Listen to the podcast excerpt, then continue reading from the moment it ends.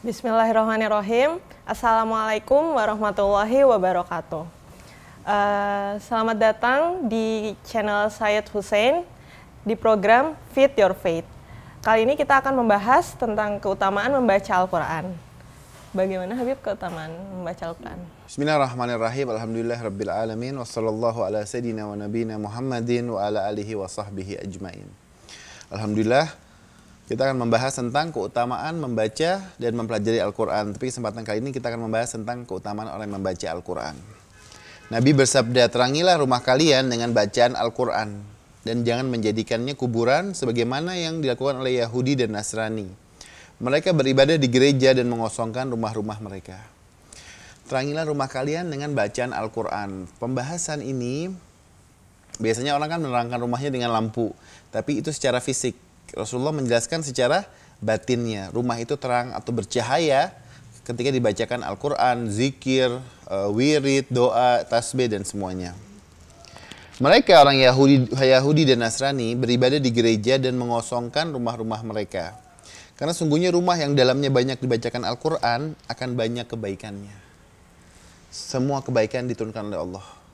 Rahmatnya turun, rahmatan nazilah, keberkahan, kesejahteraan dan segala kebaikan akan banyak. Dan meluaskan penghuninya diluaskan oleh Allah penghuninya. Dari apa? Dari kesulitan dari kegundahan dan semuanya. Menerangi penduduk langit sebagaimana bintang-bintang menerangi penduduk bumi. Ini yang menarik. Jadi apa? Penduduk bumi butuh cahaya dari penduduk langit. Itu ada bintang matahari dan bulan dan semuanya. Sedangkan penduduk langit membutuhkan cahaya dari siapa? Dari orang-orang yang membaca Al-Quran. Nabi bersabda, rumah yang dalamnya dibacakan Al-Quran dan disebutkan nama Allah akan banyak keberkahannya. Sama seperti hadis sebelumnya. Didatangi oleh para malaikat dan dijauhi oleh setan. Tempat-tempat yang malaikat itu datang itu adalah majlis-majlis Al-Quran. Pembacaan Al-Quran, tadarus, tilawah, tadabur, semuanya malaikat itu datang ke sana. Maka ada pertanyaan menarik, uh, apa yang dilakukan Jibril saat ini? Apa tugasnya malaikat Jibril? Sedangkan uh, dia menurunkan membawa wahyu, membawa uh, apa membawa firman-firman Allah dari kepada para nabi dan pada para utusan. Sekarang tugasnya Jibril itu apa? Kalau kita membahas tugasnya malaikat Jibril itu pada saat ini berbuat apa? Beliau yang pertama adalah bersalawat karena di surat Al-Ahzab ayat 56, "Innallaha wa malaikatahu yusalluna 'alan nabi." Sesungguhnya Allah dan para malaikat bersalawat untuk nabi. Tugas malaikat Jibril adalah bersalawat. Dalam riwayat yang lain, tugas beliau yang kedua adalah dia sebagai tuan atau pemimpin dari seluruh para malaikat. Jadi bosnya, boss of the boss yang mengatur semua tugas-tugas para malaikat. Yang ketiga adalah Jibril hadir di setiap majlis-majlis Al-Quran, majlis-majlis ilmu.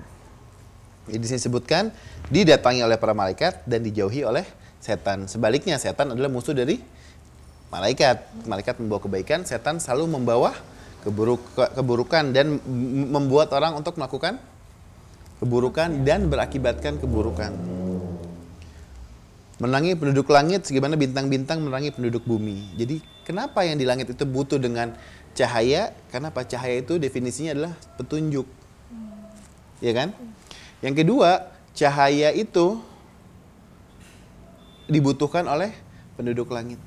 Kita penduduk bumi butuh dengan cahaya. Penduduk langit juga butuh dari orang-orang yang membaca Al-Quran. Jadi bagaikan bintang-bintang kejora bintang-bintang yang bercahaya bagi penduduk langit sedangkan rumah yang di dalam yang tidak dibacakan Al-Quran dan zikir kepada Allah akan sedikit keberkahannya dan dijauhi oleh para malaikat dan didatangi oleh setan. Kalau kita mau bahas, kita masuk ke tempat-tempat atau ke rumah-rumah orang yang kosong. Rumah tua atau rumah tua tapi kalau ada penghuninya berbeda. Tapi ini rumah yang kosong, pasti rumah itu hancur. Karena kita semua yang hidup di dalam rumah itu bagikan ruh dari rumah tersebut. Rumah sudah di, sudah ditelantarkan, tidak akan ada keberkahannya. Suram, kotor, terus uh, tidak memberikan kenyamanan dan ketenangan dan ancur juga bangunannya karena tidak ada ruh atau tidak ada zikir dan bacaan Al-Quran. Difahami ya? Nabi bersabda, apa yang menjadikan halangan bagi pedagang di antara kalian yang sibuk di pasar? Ini sebenarnya untuk kita para karyawan atau para orang-orang kerja di kantoran juga sama. Apabila dia kembali ke rumah agar tidak tidur sehingga dia membaca surat dari Al-Qur'an. Jangan tidur sebelum kita membaca Al-Qur'an. Maka akan dicatat baginya setiap ayat yang dibaca 10 kebaikan dan dihapus darinya 10 keburukan. Setiap kita membaca satu ayat diberikan oleh Allah 10 kebaikan. Makanya tadi sabda Nabi yang sebelumnya meluaskan penghuninya, memberikan keberkahan. Dikasih 10 kebaikan dan dihapus 10 keburukan. Uh, contoh keburukan yang dihapuskan itu apa, Bib? Ya bisa jadi penyakit hati, kedua penyakit badan, semua keburukan-keburukan sifat-sifat yang jelek, insya Allah bisa dihapus oleh Allah. Dari keberkahan dan mukjizatnya Al-Quran. Nabi bersabda, Al-Quran merupakan perjanjian Allah kepada makhluknya. Kita punya janji, oh, seseorang punya janji sama kita, pasti kita lihat siapa aja yang janji. Mungkin membayar hutang, atau janji bertemu dan semuanya. Nah, sedangkan Allah Allah Al-Quran merupakan perjanjian antara Allah kepada makhluknya. Kita sudah baca apa sih yang Allah mau dari kita lewat Al-Quran. Maka sudah sepantasnya bagi seorang muslim untuk selalu melihat perjanjian tersebut dengan membacanya setiap hari 50 ayat. Berarti habis subuh 10 ayat, habis duhur 10 ayat, habis asar 10 ayat, habis maghrib 10 ayat, habis isya 10 ayat. Itu minimal. Lebih dari itu luar biasa. Misalkan ada uh, saya dan sepupu-sepupu dan kita juga murid-murid juga kita bikin one day one juice atau one week one juice itu ya kan? Dimulai dari hari Sabtu sampai berakhir hatamnya di hari Jumat. 30 orang berarti dibagi jadi 30 jus. Setiap Jumat kita rame-rame udah selesai. Jus 1 sampai jus 30 nanti minggu depannya yang jus 1 maju ke jus 2 yang 2 ke 3 yang 3 ke 4 seperti itu. Yang one week one jus atau yang one day one juice. Jadi 30 orang satu hari satu juz. Untuk orang apa? Mau membaca Al-Quran. Jadi sekarang solusinya banyak, nggak nggak nggak ada orang ya saya nggak ada waktu, nggak ada. Nabi bersabda, barang siapa yang membaca Al-Quran dengan melihat musaf, penglihatannya akan menjadi kuat. Melihat musaf itu langsung kita melihat kitab Al-Quran.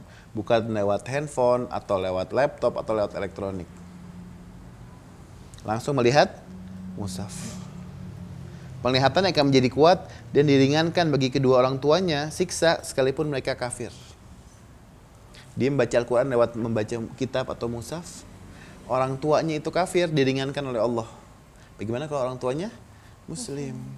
Ya Bib, jadi kita kan sebagai wanita tiap bulannya pasti ada halangan. Hmm.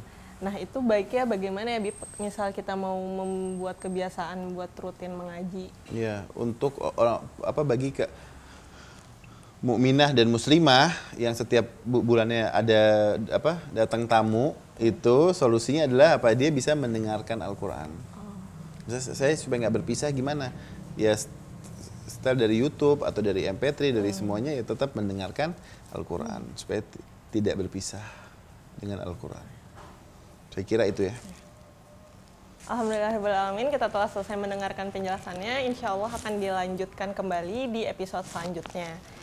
Uh, terima kasih karena sudah menonton. Jangan lupa di like, share, dan subscribe. Dan kalau ada pertanyaan boleh ditulis di komen. Assalamualaikum warahmatullahi wabarakatuh.